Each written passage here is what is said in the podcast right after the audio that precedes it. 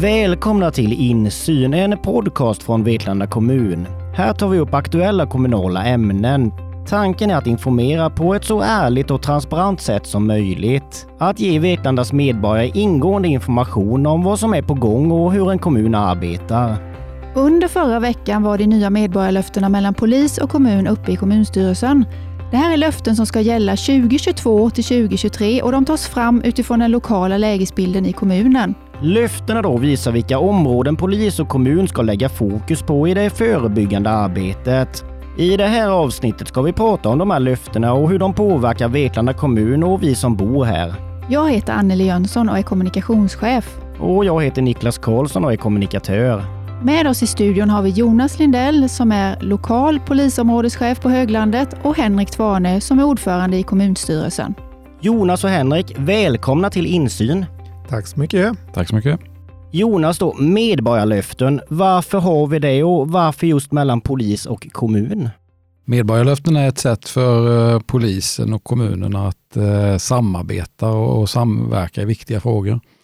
Eh, och det gör vi ju genom att ta fram medborgarlöften då som, som både anger vad vi ska prioritera till viss del men också ger en, en riktning för olika aktiviteter som vi ska jobba med. Och de här ska ju vara framtagna då både eh, sett utifrån en aktuell lägesbild men också utifrån vad, vad medborgarna tycker, vad medarbetarna i våra organisationer tycker och känner kring de här delarna. Men Henrik, då, hur ser du på syftet med medborgarlöftena och ha dem tillsammans då med polisen? Det är ju inte alla som har förmånen som vi har att ha så många poliser bosatta i kommunen som också jobbar här. Och och då kanske man inte får den där naturliga kontakten som vi ändå får. Så att det, där har vi ju en fördel mot, mot andra. Så det är ju ett av syftena med medborgarlyften, att man nästan ska tvinga fram lite samverkan. Sen gäller det ju att försöka öka förtroendet för, för det gemensamma arbetet. Det, det är också för att öka tryggheten. Så det är, sen, sen är det klart att det här med medborgarlöften ger ju väldigt många chansen att vara med och spela in vad de tycker är viktigt. Så det, det finns ju också ett demokratisyfte i det. Men hur ser processen ut när ni tar fram de här löftena? Vad finns det för utmaningar? Ja, det är ju just att hitta alla åsikter och, och, väga ihop det där, för att alla kan ju inte få just det de vill ha. Så, så det är ju mycket en bedömning. Sen gäller det ju att hitta vad är det som faktiskt ger effekt? För att eh, man kan ju tycka mycket, men det, det gäller ju att att både kommunen och polisen kan jobba med det och att det faktiskt påverkar människors vardag. Då har vi då tre medborgarlöften och eh, hur kom vi fram till just dessa? Nej, men som jag sa så, så äh, tas medborgarlöftena fram utifrån äh, framför allt en lägesbild. Äh, den ska vara baserad på hur det faktiskt ser ut i kommunen just nu. Den tar vi fram gemensamt med kommunen där där olika eh, in, inhämtningsuppdrag kan man kalla det, ligger till grund för vart, vart vi ska gå.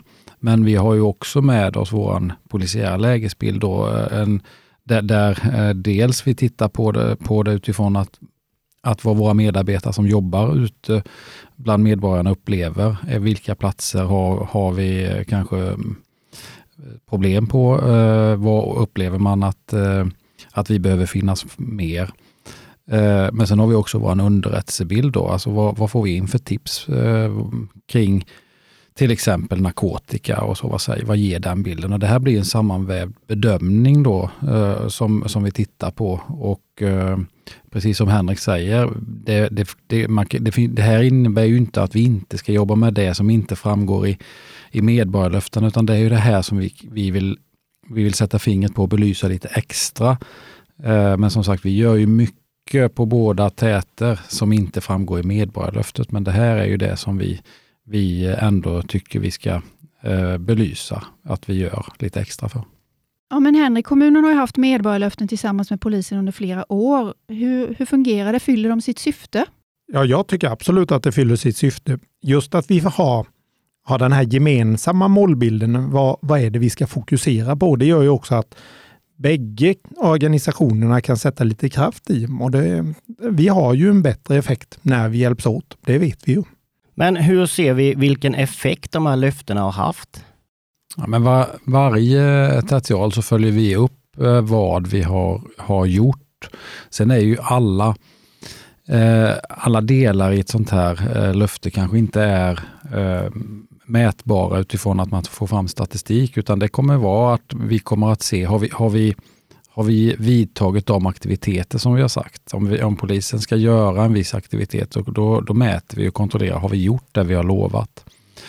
Eh, men sen finns det ju andra eh, instrument för att kontrollera. I år har vi till exempel med trygghet som en del Eh, i vårt medborgarlöfte och där kommer det att genomföras trygghetsundersökningar. Eh, den är ute eh, just nu i samhället där medborgarna då får, får tycka till och ge sin, sin syn på hur tryggheten ser ut. Och det blir ju någonstans en startpunkt för, för vårt arbete.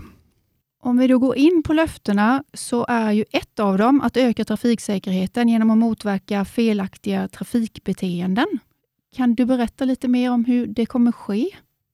Ja, det kan jag göra. Ehm, just det här eh, medborgarlöftet har vi ju haft eh, ända sedan vi började med medborgarlöften i Vetlanda och det, det, det grundar sig i att eh, det finns en stark tradition av motorburen ungdom i Vetlanda kommun som då har hos eh, medborgarna upplevts som eh, ibland lite störande eller att man upplevt en eh, mycket buskörning och så. Och, och, på grund av det så är ju den här, det här medborgarlöftet framtaget. Då.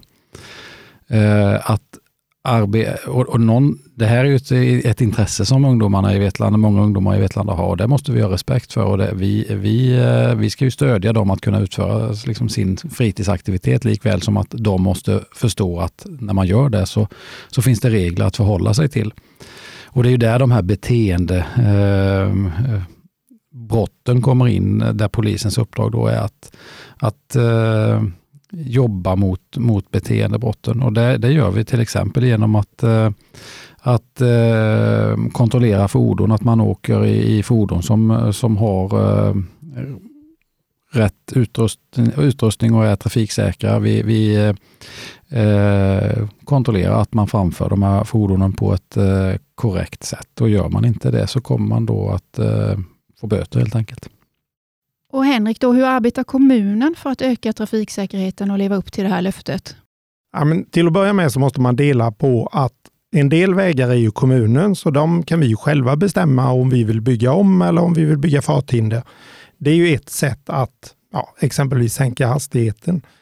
Sen äger ju Trafikverket väldigt många av våra genomfartsleder i, i våra orter och, och, alla andra vägar ute runt omkring mellan orterna. Och där handlar det ju mer om att påverka Trafikverket så att de kanske bygger om eller försöker förbättra säkerheten på, på sina vägar. Så att mycket handlar om hur man fysiskt bygger väg. Men Jonas, då det andra löftet handlar om att öka upptäckten av narkotikabruk, då främst mot unga. Då måste jag ju fråga, hur ser det ut när det gäller narkotikatillgången i Vetlanda rent generellt?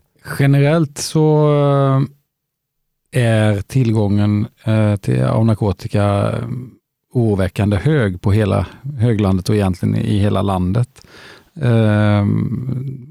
Vetlanda sticker inte ut uh, i, i vår bedömning kring att det finns mer tillgång på narkotika här än vad det gör till exempel på övriga kommuner på höglandet. Men det, det finns för mycket narkotika i samhället och det här är problematiskt för att det, det, får så mycket problem med, eh, med sig i, i, nästa steg bland mänskligt lidande, eh, annan brottslighet och så vidare.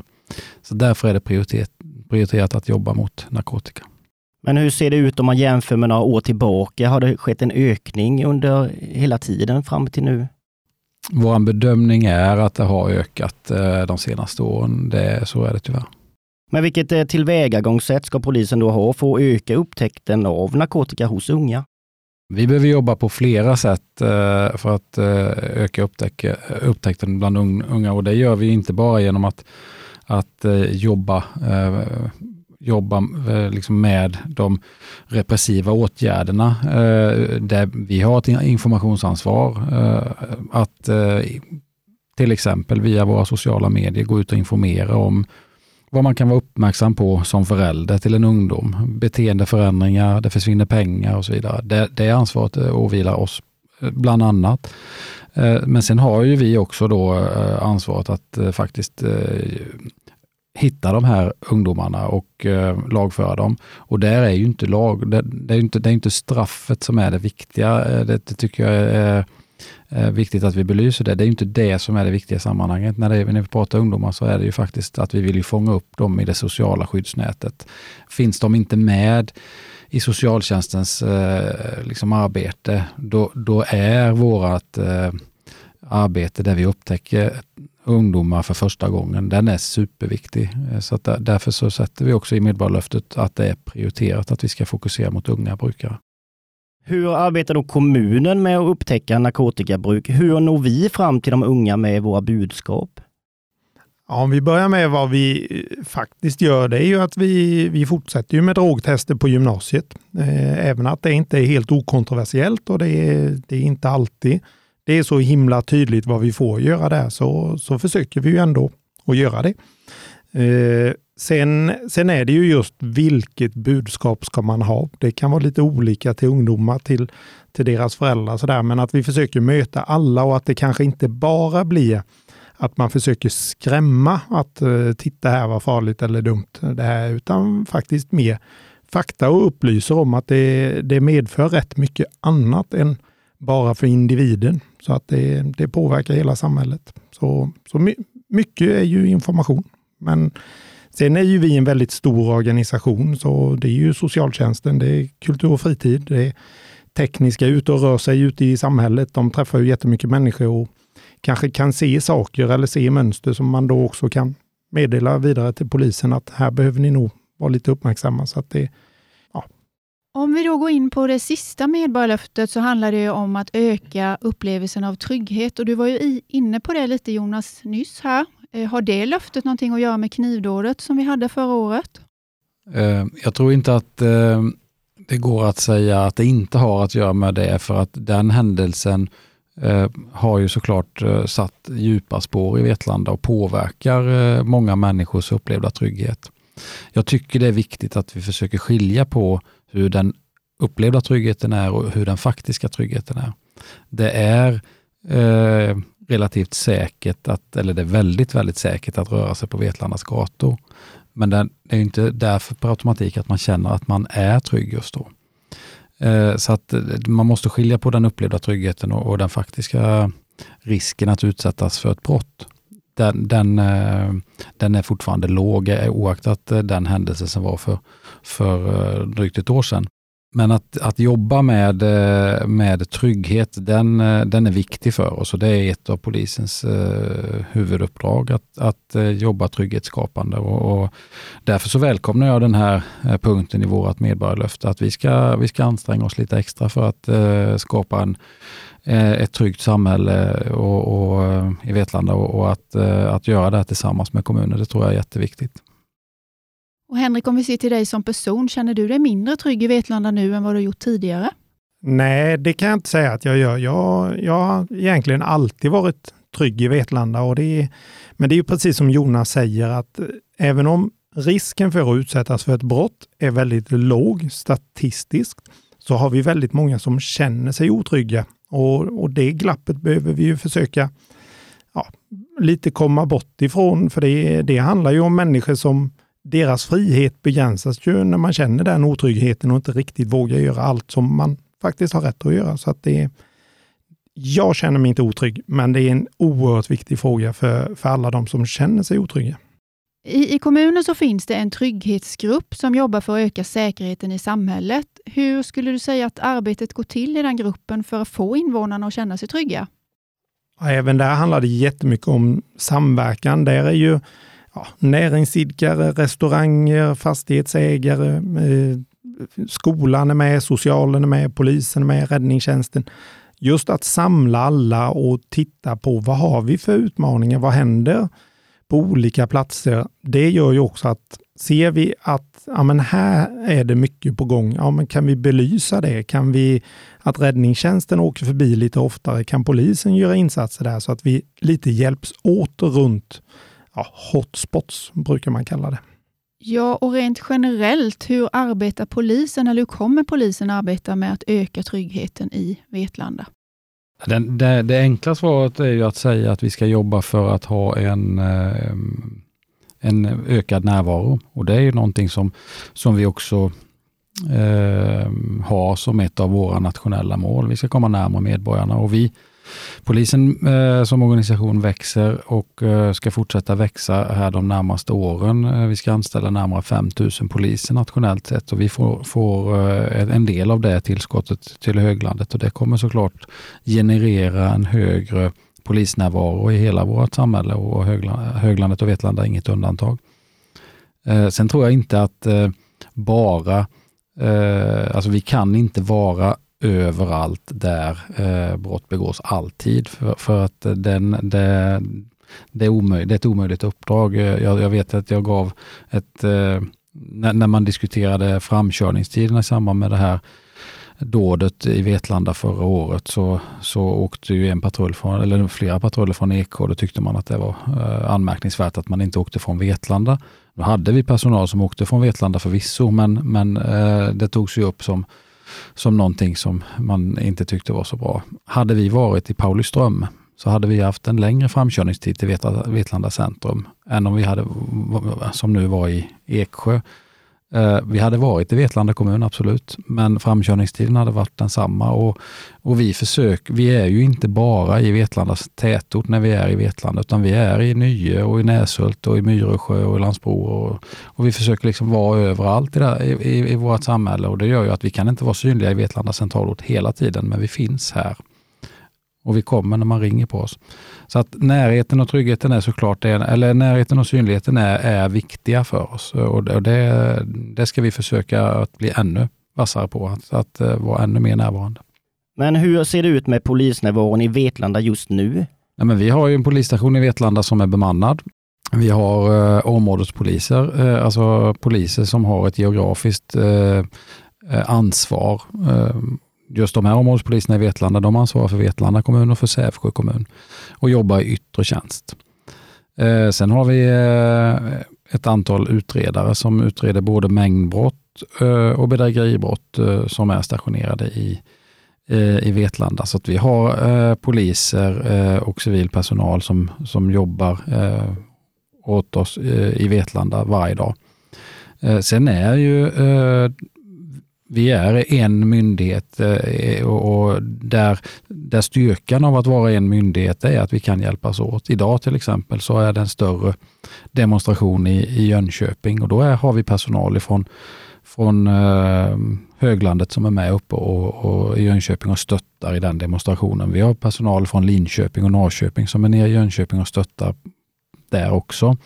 Eh, så att det är ju inte så att man per automatik alltid kommer att vara i Vetlanda för att man utgår härifrån, utan det kommer ju vara så att ibland behöver man, behöver man jobba någon annanstans. Eh, när vi hade knivdådet förra året så var det jättemycket personal i Vetlanda som kom både från andra delar av vår region men också från Region Syd och Region Väst och stöttade oss med både trygghetsskapande arbete och med, med utredande åtgärder.